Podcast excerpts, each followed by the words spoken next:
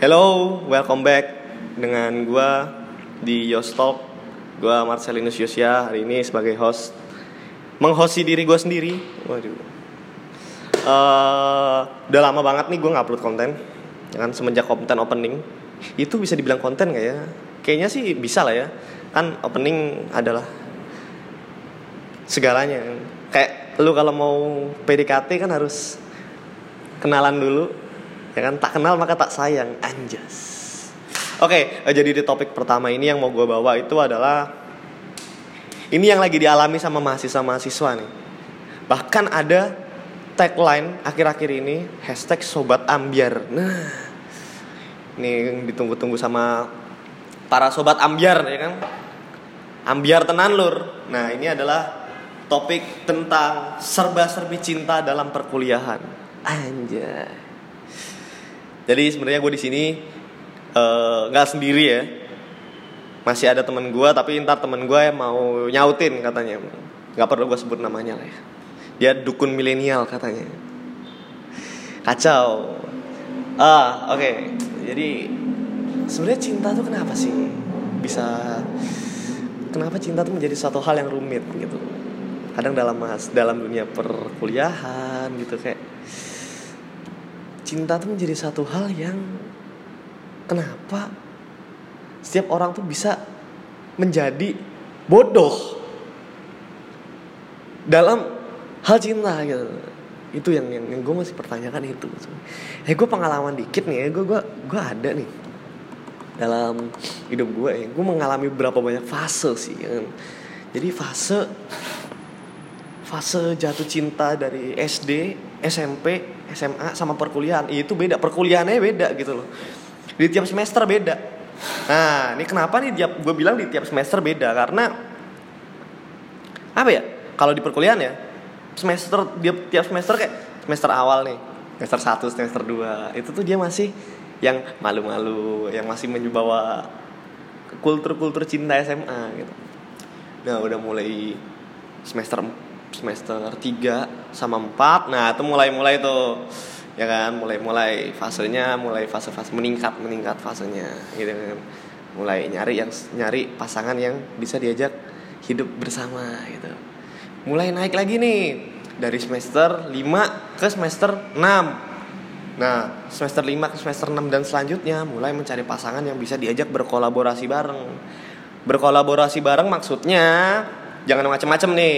Bukan kolaborasi dalam kamar kosan nih. Sebenarnya emang banyak sih tapi ya gimana ya? Ya namanya juga hidup orang nggak usah diurusin gitu. Tapi ini udah kolaborasi untuk apa? Jadi mereka tidak berpikir untuk apa namanya cuman ya udah lu pacar gue gue pacar lu. Enggak. Tapi yang mereka lakukan itu adalah yuk kita bikin sesuatu apa yuk? Bareng-bareng. Yang bikin kita ya udahlah kita kita kan udah gini nih udah pacaran dan lain-lain. Nah, kita bikin sesuatu yuk gitu. Lu bikin apa gue bikin apa kita sama-sama dukung kita sama-sama bantu. Kita sama-sama saling berkolaborasi gitu. Kayak ya lu mulai mau mau menciptakan suatu hal yang berbeda untuk apa ya dalam hubungan kalian itu supaya bermanfaat. Ya kan? Daripada kerjaannya kuliah pacaran yang jangan ngabisin duit. Lebih baik pacaran yang menciptakan duit menghasilkan duit. Contohnya apa Contohnya, wih. bikin anak. Tidak dong. Itu yang kerana negatif. Bikin masa depan. Iya, bikin masa depan, membangun masa depan bersama. Kan nggak nggak nggak banyak men sekarang yang mahasiswa mahasiswa sekarang yang pacaran nih terus eh kita bikin apa yuk bikin konten YouTube bareng meskipun di tengah jalan kandas juga atau bikin bisnis bareng karena dia jatuh cinta bukan bangun cinta Waduh, itu seperti lagu saya tahu. Lagunya ini bukan sih uh, apa? Dari komposer ya nggak salah. Yang lebih baik bangun cinta daripada jatuh cinta. Tak gatel. Loh, tapi tapi bener men. Maksudnya gini sekarang kita lihat aja lu setuju gak sih uh, kalau kayak dalam berpasangan hidup berpasangan nih berpartner hidup ya kan mencari partner hidup dalam berpasangan atau dalam menjalin hubungan itu lu setuju gak sih kalau misalnya salah satu salah satu pasangan dengan pasangan lainnya itu untuk saling berkolaborasi itu lu setuju gak sih bukan saling kolaborasi saling support Iya. Kolaborasi kan support. saling support dan menerima kekurangan masing-masing Hmm. karena cinta itu tidak mencari kelebihan tapi menerima kekurangan Jinx, kacau. Kayak gue tahu nih kata-kata dari siapa. Kata-kata dari Mr. Lawless Burger kan. sekut sekut sekut itu. Eh, Tapi lu ini apa namanya? Berarti setuju lah ya kar- dengan hal-hal seperti itu. Setuju dong. Bisa saling support. Misalnya aja misalnya nih dua orang cewek eh seorang pasangan ya seorang pasangan nih bisnismen gitu kan? Cowoknya suka bisnis ceweknya juga suka bisnis. Terus tiba-tiba mereka memutuskan eh ayo kita bikin bisnis bareng yuk gitu. Gimana caranya supaya kita bisa menghasilkan gitu. Ibarat kayak ayolah kita bikin suatu hal dari nol gitu ya. Nah menurut lu kalau lu, lu kalau misalnya tapi kayak kayak gitu lu setuju nggak? Enggak kenapa? Jangan ada perasaan di dalam bisnis. Bisnis ya bisnis profesionalitas oke. Perasaan ya perasaan beda cerita lu punya bisnis sendiri cewek lu punya bisnis sendiri lu nikah. Kalian masing-masing ngurusin bisnis sendiri Ah. bukan bisnis yang dibikin bersama. Oke. Karena kalau sebelum ada legalitas kalian udah melakukan bisnis bersama. Seandainya di tengah jalan kandas bisnis lu akan hancur. Bisnis kalian akan hancur. Itu banyak terjadi. Iya. Bener bener bener. Eh, Berarti lu lebih setuju kalau seorang pasangan mempunyai membuat bisnis dengan satu apa ya dengan masing-masing bisnisnya, tapi dengan memberikan emotional support. Hanya sebut sebatas emotional support aja ya. Jadi si cewek bikin bisnis apa, cowok bikin bisnis apa, intinya yang saling melengkapi saling melengkapi. Nah, ini gue suka nih. Nah, itu yang sedang dialami mahasiswa sekarang sih kayak gitu sih kadang-kadang. Mereka kurang ini aja apa namanya? Ya mungkin belum menemukan.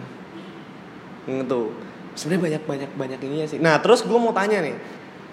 Kira-kira Nah, ini masih sebenarnya gue gue masih bingung nih, ya kan? Gue masih bingung banget. Menurut lu passion atau kesukaan nih menurut lu harus sama gak sih sama yang apa sesuai gak sih dengan pasangan lu gitu ya nggak harus lah nggak harus sama ya berarti ya? harus sama kayak contoh eh, cewek lu suka rock and roll lu suka apa gitu itu nggak nggak perlu kayak gitu ya enggak nggak harus karena cinta tadi tadi ya karena pada dasarnya awal mula terbentuknya wanita itu dari tulang rusuk pria. pria. Jadi wanita itu memperbaiki sisi pria tersebut. Jadi passion beda nggak masalah, yang penting saling melengkapi. Paling saling melengkapi, saling mendukung satu sama lain. Nah, Gila, emang gue udah bilang bener banget kan dia dukun milenial banget bray. Nggak salah gue punya sahabat dukun milenial gitu. Tapi emang apa ya gue gue mulai berpikir nih kadang-kadang dalam dunia dunia mahasiswa tuh suka aja gitu loh kayak bingung eh gue deketin dia gimana ya? Ada juga nih gue dapet cerita dari temen gue ya kan? Dia mau deketin cewek tapi minder bray paham nggak? Jadi nih ceweknya udah suka. Cewek udah suka tapi cowoknya minder gitu loh. Karena ceweknya tuh kayak ya apa ya kayak ya si cowoknya udah mikir "Ah, anjing gue mana bisa dapet dia gini gini gini dan lain-lain. Cewek udah eh cowoknya udah mikir kayak gitu. Sebenarnya ceweknya biasa aja gitu loh ngerti gak sih ya ibarat gini lah lifestyle itu kan gaya hidup itu adalah hak kita masing-masing. Bener gak sih? Ya, kan? Kita tidak bisa tidak mampu merubah gaya hidup atau penampilan kita. Bener nggak? Setuju kan? Setuju. setuju kan? Gaya hidup adalah pribadi kita priva eh hak pribadi kita masing-masing. Nah sedangkan kalau misalnya emang ya lu kalau misalnya emang nggak nggak ya nggak bisa mengikuti gaya hidupnya ya udah lu jadi diri sendiri aja. Bener gak sih harus kayak gitu dong. Lu jadi diri lu sendiri aja ya lu adanya ini ya ini. Kalau misalnya emang nggak cocok ya udah cowok menang milih cewek menang nolak.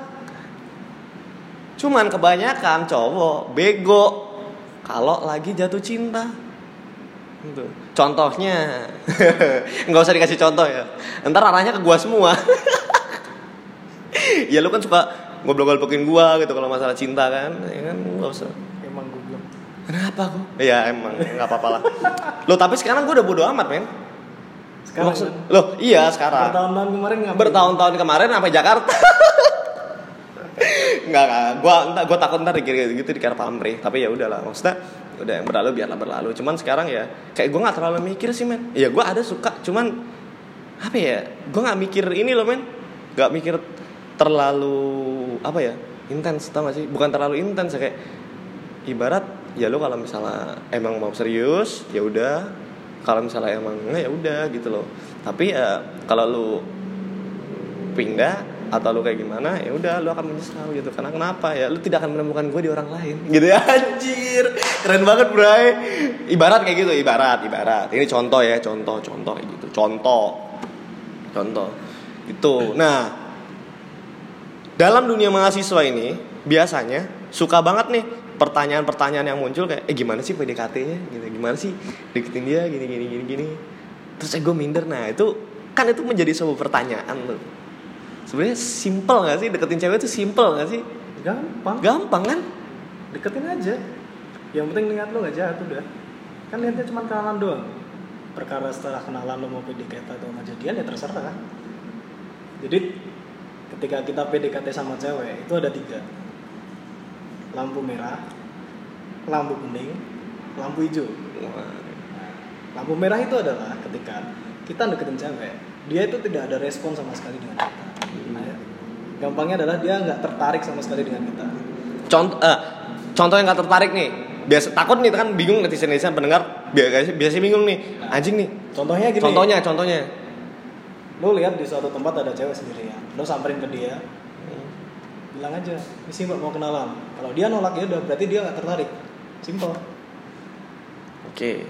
Itu lampu merah. Itu lampu merah. Oke itu lampu sekarang merah. lampu kuning. Lampu kuning. Lampu kuning itu setengah-setengah. Dia tertarik sama dia nggak tertarik. Contohnya sama aja. Lo deketin lo kenalan. Lo ngajak kenalan sama dia. "Ini sih mbak mau kenalan. Eh, buat apa ya mas? Atau siapa ya atau ini? Nah kalau dia masih kayak gitu berarti dia masuk di kategori lampu kuning yang itu bisa jadi penolakan atau penerimaan nah Oke. sedangkan yang lampu hijau adalah ketika lo samperin cewek lo ajak kenalan dia langsung salamin langsung mau ya Langsung mau. ibarat gitu ya mau oke oh iya sama gue nih Nah, terkadang Nah, terkadang kan suka ada nih. Suka ada nih dalam dalam dunia PDKT nih. Nggak ini banyak nih, sampelnya banyak. Udah di tengah jalan, ya kan? Awalnya di tengah jalan hijau. Awalnya di tengah jalan hijau. Terus tiba-tiba langsung ke merah. Nah, itu. Kadang-kadang suka ada yang bingung di situ, anjing nih udah begini begini begini begini begini, tapi kok langsung merah. itu Gitu. terjadi karena lo nggak jadi diri sendiri lo menjadi apa yang dia inginkan yang mengakibatkan adalah ini cowok gampang banget sih ditaklukin Nggak ada tantangannya ya. Gak ada tantangannya cewek itu suka tantangan semakin sering lo kasih tantangan dia akan semakin greget. Hmm, sekut banget tuh ya kan? Buat pada cowok-cowok nih, netizen-netizen cowok ya kan. dan tips lagi ketika lo mau deketin cewek. Ketika lo mau ngajak jalan pertama kali dia dan dia udah setuju untuk lo ajak jalan berarti dia ada tertarikan 70% suka sama lo. Karena apa? Nggak mungkin dong orang nggak tertarik diajak jalan berdua tahu-tahu mau nggak nggak logis tuh Ini Nah. kayak iya. ketika dia udah mau lo ajak jalan ajaklah dia ke tempat yang tidak biasa kebanyakan orang ajak jalan tuh makan yuk ke mana nonton yuk Loh, apa. tapi kalau makan kan salah satu salah satu apa namanya? oh jangan beda Impression. itu apa bedanya lo sama cowok-cowok yang lain pria-pria yang lain Iya juga. Bener. Kok gue jadi mikir pengalaman gua enggak enggak enggak. enggak.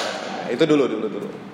lo lihat jadwal kapan dia longgar lo longgar kapan di situ ada acara apa acara yang bener-bener entah itu bersih pantai atau bersih gunung atau menghadiri Kegiatan volunteer. atau apa lo ajak dia ajakin pengalaman baru dan itu akan lebih berkesan daripada lo hanya sekedar jalan nonton sama makan doang Iya. Biasanya tuh cowok tuh apa ya? Udah ini nih apa namanya? Udah flat tuh. Jalurnya udah kayak kayak di ini apa namanya udah udah tertata kan biasanya tuh oke ajak jalan habis ajak eh pertama ajak kopi dulu biasanya kan ajak kopi Dan satu, ajak jangan makan pernah cewek itu leading. hmm oke Cowok yang harus leading. iya dong tapi nih ya gue mau tanya ya gue cowok cowok cowok leading ya dan cewek yang harus apa ya harus Ikut. ikut Harus ngikut. sekarang gini kalau ceweknya butuh gimana contoh contoh eh temenin gue ke sini dong gini gini gitu gimana tuh Ya lo mau nggak nemenin ya? karena targetnya cuma nemenin doang Ya kalau mau nemenin ya udah silakan. tapi itu tidak membuat Yang penting jangan ganggu kehidupan lo. oh iya Jangan sampai lo diperbudak. Ibaratnya jadi supir pribadi lah. anjay bangsa Di gue yang suka harus nganterin ke sana kemari. Eh tolong dong, anterin ke sini ya tolong dong. Nah, lu pacar apa supir? Wah ini tamparan keras banget ya buat ya pokoknya jadi diri sendiri lah pertama tuh jadi diri sendiri itu udah itu paling penting men. Dan jangan salah bayar membayar ya. Iya. Nah tuh biasanya nih suka ada nih Kebanyakan cowok kan suka perhitungan nih Kalau misal ditolak apa gimana Gue udah ngasih semuanya Gue udah ngasih begini Gue udah ngasih begitu Gue ini bla bla bla bla bla Segala macem Biasanya suka begitu tuh Karena Cowok tuh dia- suka pamrih karena- Gitu loh Karena dia Nah ini gimana nih ah, ah, Itu dia Jangan berekspektasi terhadap wanita ya. Sekarang aku rubah dari cewek menjadi wanita. Karena Oh. cewek itu ibarat dengan masih anak kecil. Oke wanita Cowok juga masih anak kecil. Kita rubah Laki-laki. dari pria dan Pria wanita. Pria dan wanita oke Jadi kalau dia seorang wanita itu jangan pernah berekspektasi. Hmm. Dia udah sampein aja. Lo kalau mau traktir dia udah traktir aja, nggak usah bilang eh, apa BCD segala macam. Lo kalau nggak punya duit buat traktir dia, ya bilang aja. Eh, aku mau makan bareng sama kamu nih, tapi aku nggak ada duit. Ntar bayar sendiri-sendiri aja. Langsung aja ngomong di depan daripada ujung-ujungnya nanti si cewek berekspektasi terhadap dirimu dan dirimu nanti berekspektasi lagi. Akhirnya jadi biar Jadi ambiar. Jadilah itu sobat ambiar ya. Sobat ambiar. para para apa namanya para fansnya Didi Kempot kan sekarang namanya sobat ambiar kan. Itu. Nah sebenarnya kayak di cinta nih kayak di masa-masa PDKT kan terlalu ini ya, terlalu statis. Biar nggak sih? Lu suka ngeliat nggak sih kayak cowok-cowok yang statis tau gak sih? Kayak ya udah dia cuman gini gini gini gini. Kalau misalnya enggak galau terus minum dia biasanya Amer. Ya gue dulu begitu sih. Kan Amer 15 5 botol gitu kan Amer 5 botol ya, ya itu udah biasa. Dulu dulu dulu. Cuman sekarang tidak.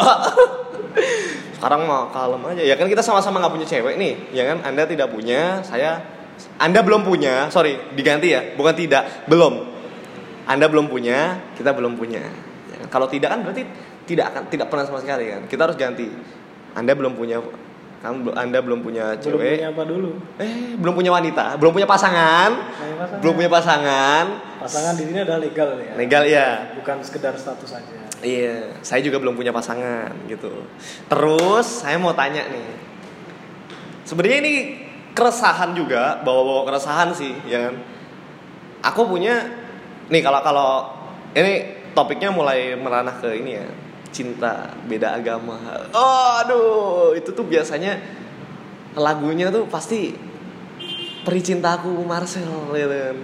Bukan Marcel gue, tapi Marcel yang penyanyi, yang botak. Gue nggak botak. LDR terjauh. Iya LDR terjauh. Kalau kata Gofar Hilman LDR terjauh itu bukan Jakarta San Francisco. Tapi ketika salah satu pasangan mengucapkan assalamualaikum dijawab dengan shalom. Wah sangat sangat jauh. Tapi gini kalau kalau gue berpikir LDR ya kan kayak tadi long distance religion itu gue nggak masalah. Kenapa? Karena bagi gue gini kita dilahirkan tuh cinta dulu. Cinta dulu. Kita dilahirkan tidak dengan agama men. Dilahirkan dengan cinta. Agama itu hanya budaya. Jadi gue nggak masalah orang mau orang tua gue mau ngomong ah lu mau gue coret dari kakak coret aja gue dari kakak gitu. Nggak masalah gue mau dianjing anjingin bokap gue gara-gara kalau misalnya ketemu yang beda agama gue bodo amat gitu loh. Karena gue mikir gue punya keluarga. Gue bakal berkeluarga. Gue lebih memprioritaskan keluarga gue nanti. Toh dia yang orang tua tuh sebagai yang menuntun kita gitu loh. Kayak ibarat lu lahir di keluarga Katolik lu bakal jadi Katolik. Kayak gitu. Lu keluarga di eh, lu lahir di keluarga muslim lu bakal jadi orang muslim gitu loh. Ya nggak sih? Kayak agama itu hanyalah pembawa, membawa pembawaan dari orang tua ya. Jadi kayak cinta beda agama nggak masalah ya nggak sih? Kalau menurut lu gimana? Kalau gue sih kayak gitu. agama itu lebih ke keyakinan masing-masing. Keyakinan. jadi ketika oke lu lahir di keluarga muslim nih. Nah Hmm. seiring berjalannya waktu lu pelajarin tuh semua agama lu pelajarin dan lu yakin kalau ternyata yang cocok sama lu tuh ya Kristen misal atau Katolik atau Buddha atau Hindu dan sebagainya. Dan lo yakin bahwa itu adalah bener-bener agama yang lo yakinin ya udah jalanin aja nggak masalah jadi nggak masalah ya kayak lu cinta beda agama berarti lu masalah. setuju dong kalau misalnya undang-undang yang tentang pernikahan itu pernikahan beda agama itu disahkan lu setuju dong berarti Setuju aja. Karena itu adalah keyakinan masing-masing. Karena yang menjalani, yang tahu adalah kapasitas eh, seberapa imannya dia atau seberapa kuat atau apa ya rasanya. Itu ya diri sendiri, nggak bukan orang lain. Orang lain hanya melihat aja. Jadi bukan sebagai ya biasanya kan suka ada yang dari luar ya faktor-faktor eksternal biasanya keluarga gitu kan. Misalnya lu udah cinta Nah, mati ya tinggal gitu. gini, tinggal Heeh. gimana lo kasih pengertian terhadap keluarga lo terkait masalah agama. Nah, kalau lu sendiri dari keluarga lu gimana? Masalah beda agama nih, misalnya lu contoh ya, kita contoh, kita contohkan. Ibaratkan lu ketemu sama orang yang beda keyakinannya sama lu. Dan lu udah yakin banget nih, maksudnya kayak, oh dia tuh udah sesuai tipe tipe gue banget lah. Iya gitu tuh. Tipe gue banget lah, kayak bisa melengkapi gini-gini. Wah udahlah, itu ibarat di mata lu tuh udah perfect deh gitu. ya kan di mata di mata lu dia perfect. Dan tiba-tiba eh lu sadar tuh, wah ternyata gue sama dia beda keyakinan. Nah, bagaimana lu menjelaskan keluarga lu coba kalau kayak gitu? Kalau lu bagaimana? Belum pernah sih, jadi nggak bisa. Nah, karena lu belum pernah melakukan kan? Belum pernah. Tapi jika suatu saat, contoh lah, jika ya kita ibaratkan aja, saat suatu saat kayak gitu, lu bakal ngomong bagaimana ke orang tua lu? ya lo harus prepare dulu lo lo apa namanya lo harus prepare gimana caranya lo siap untuk hidup sendiri lo bisa mencukupi kebutuhan sendiri dan menghidupi keluarga lo nanti yang akan lo bangun ketika preparation itu udah semua Hmm. ya udah jalanin aja karena yang menjalani menjalankan hidup rumah tangga itu ya kalian bukan orang tua Iya sih. ya dia peduli amat Jadi gitu.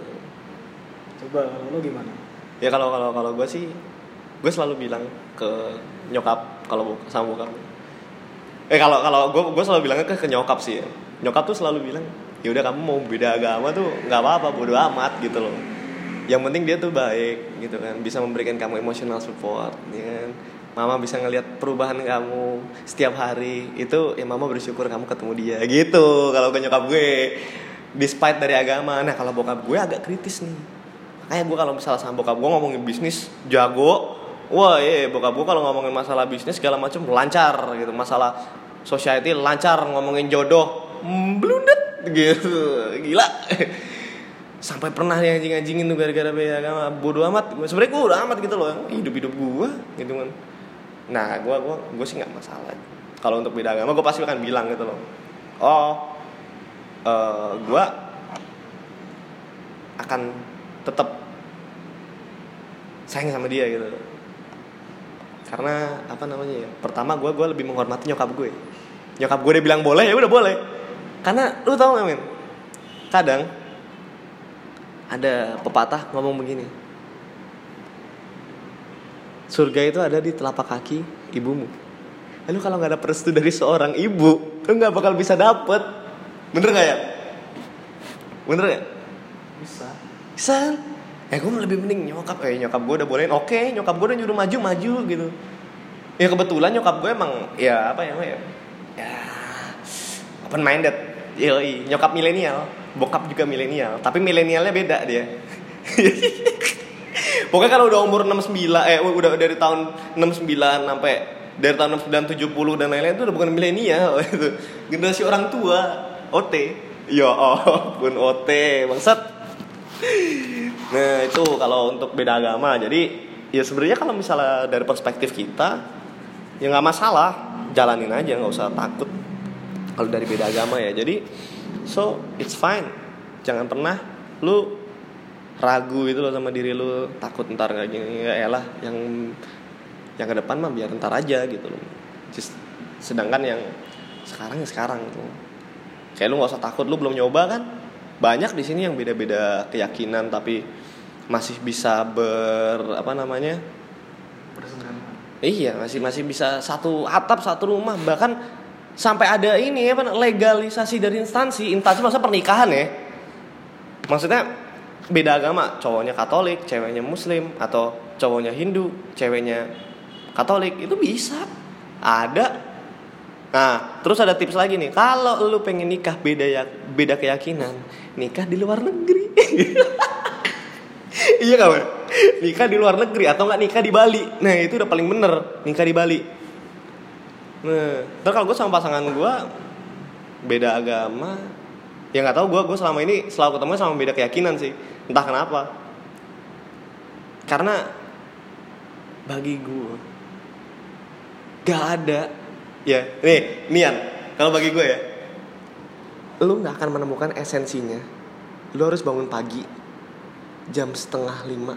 Cuma buat ngingetin cewek lu atau pasangan lu sholat. Wah anjing. Itu tuh wah men. Itu esensinya men. Saling melengkapi meskipun perbedaannya jauh banget. Iya gila itu parah banget. Dan gue senang melakukan itu gitu loh. Saya sang gue gue sangat senang sekali. Gila itu nggak ada yang bisa ngalahin esensinya kayak lu kalau ke gereja gereja bareng gitu loh kayak ya ngapain sih? gitu. Kalau gua lebih seneng kayak sholat jangan lupa sholat gini gini gini dan lain-lain ya kan? Lebih seneng lagi apalagi lebih seneng lagi kalau dia memberikan gua ini apa namanya sam yang sama gitu loh kayak eh, jangan lupa ya gereja gitu. Dia ada hari minggu oh iya gitu. Ya udah deh habis hari minggu ah, nah habis dari gereja ntar gua ke tempat lo gitu. Gue ini ini ini ini nah gitu. Tapi asli loh. Itu wah esensinya tuh bener-bener melengkapi perbedaan banget cuy. Kacau asli men. Gak bohong. Keren bang bagus. Emang. Berbeda keyakinan tuh menik nikmat. Nikmatnya esensinya tadi. Itu oke nih ini ini buat yang mahasiswa mahasiswa yang tadi yang pada mau nyoba. Nggak jangan jangan dicoba. Namanya namanya mau nyari pasangan tuh jangan pernah nyoba. Tapi dirasain gitu. Apakah bener dia yang yakin? Apakah dia apa kalau yakin kalau dia itu yang terbaik buat gua? Nah itu. Itu yang harus lu apa namanya lihat. Itu yang harus lu teliti dalam mencari pasangan. Karena pasangan tuh nggak sekedar coba-coba. Gitu karena yang namanya cinta ini gue denger dari kata-kata Gofar Hilman. Esensi dari cinta itu adalah ketika dia jelek nih gimana? Seburuk apa pun eh, maksudnya jelek sikap ya. Sikapnya dia sejelek apa pun seburuk apa pun perilakunya dia segala macam tapi lo tetap cinta. Nah itu cinta. Nah sama ada lagi. Kalau lu mau nyium pasangan lu di pagi hari ya kan? Meskipun mulutnya bau segala macam. Nah itu cinta ya kan? Karena lu nggak bisa deskripsiin gitu kayak wah kenapa ya gue begini ya gue seneng gini gini gini. Nah sekarang definisi cinta tuh gue udah tahu tuh Yan. Definisi definisi cinta tuh. Itu kan? Iya kan sih? Kita melakukan pro- kita melakukan sesuatu tanpa tahu alasan yang jelas. Bener nggak? Iya emang kayak gitu. Kayak kita suka sama orang kok kenapa? Kalau misal eh biasanya nih cewek suka tanya kalau kok kenapa lu suka sama gue nah kayak gitu. Jawab aja kayak lagunya awang wah. Gak jelas kan? Nggak jelas kan? Ya itu nggak bisa dijelasin. Aja itu tuh kadang-kadang kayak eh tapi nggak apa-apa lah ya. Namanya juga mahasiswa. Perjalanan kalian masih panjang. Bangun karir kalian dulu baru pikirin cinta. Atau kalian mau mencintai dulu mau membangun sesuatu dari nol tidak masalah. Nggak ada masalah ya nih pilihan pilihan mereka semua. Pilihan kalian kalian semua terserah. Mau bikin apa pun terserah. Gue nggak ada masalah. Kita nggak ada masalah sama sekali. Tapi kalau kita ya, eh, terutama kalau gua kalau gua gua pengen eh gua gua gua bukan pengen ya gua butuh seseorang yang bisa memberikan gue emotional support. Despite my friend my best friend and my family karena emotional support tuh satu hal yang nggak bisa diberikan sama orang lain gitu gue semangat semangat disemangatin sama bokap nyokap, semangatin sama sahabat-sahabat, sama temen-temen ya gak sih? Semangat ya hari ini ya segala macam. Beda rasanya kalau disemangatin sama doi. Ini disemangatin sama doi itu rasanya pengen meledak gitu. Duar. luar Parah cocote. di sini ini explicit content cuy, slow explicit content. Semua tuh bisa dimasukin di cuma sini. semangatin aja doain Iya, iya didoain tuh, parah. diam-diam saling mendoakan Iya. Kalau kata Sujiwo Tejo, tingkat yang tertinggi itu adalah ketika satu satu eh apa ya? Ketika kedua pasangan tidak saling BBM-an, tidak saling WhatsAppan, tapi ketika keduanya saling mendoakan. BBM nggak perlu, WA nggak perlu, tapi yang Muslim doa sholat doa buat cowoknya, nah yang cowoknya Katolik doa ke gereja buat si ceweknya. Iya anjing keren banget tuh bahasa kan. nah, nah mungkin itu sih tips ya dari kita segala macam semoga bisa memberikan kalian apa namanya pandangan baru lah tentang cinta supaya nggak ya hidup kita tuh kayak gini-gini aja gitu loh. Supaya nggak terlalu flat nggak terlalu apa. Ya intinya dalam dunia itu kita membutuhkan cinta ya kan? Cinta itu banyak bentuknya. Tapi bukan kayak sepatu kayak lagu ya tulus kalau lagu ya tulus kan ci cinta memang banyak bentuknya tapi tak semua bisa bersatu. Nggak ada yang namanya cinta itu semua bisa bersatu. Tergantung bagaimana kita memaintainnya. Kalau misalnya emang belum di tengah jalan kandas ya mungkin belum jodohnya. Bener kan? Belum jodohnya nggak masalah. Tenang aja. Life is simple bro. Sans gitu. Pokoknya tuh pokoknya next nanti habis ini kita akan bicarain tentang bisnis nih. Nah bisnis nih seru nih. Bisnis apa sih yang bisa dilakukan sama mahasiswa nih ya kan? Eh, mahasiswa tuh lagi pengen bisnis apa sih? Nah itu tuh kayak bisnis yang gampang-gampang apa terus tipsnya trik segala macam ya kita bukan bisnismen kita cuma suka bacot aja. Kita ngelu- ngejual bacot gitu. Karena hanya nggak cuman itu yang bisa kita main. Salah satu yang bisa kita tuangkan ke Spotify ke podcast ya ini bacot kita gitu. Karena kita tidak bisa jadi penyiar radio. Ya mungkin itu sekian dari gue. Nganu sekian juga dari si Rian sahabat gue terus dari situ ya gue tutup podcast ini dengan sampai jumpa di episode selanjutnya. Jangan lupa follow like dan share ke teman-teman kalian di via Instagram atau di via lainnya. Terima kasih sampai jumpa di Yos Talk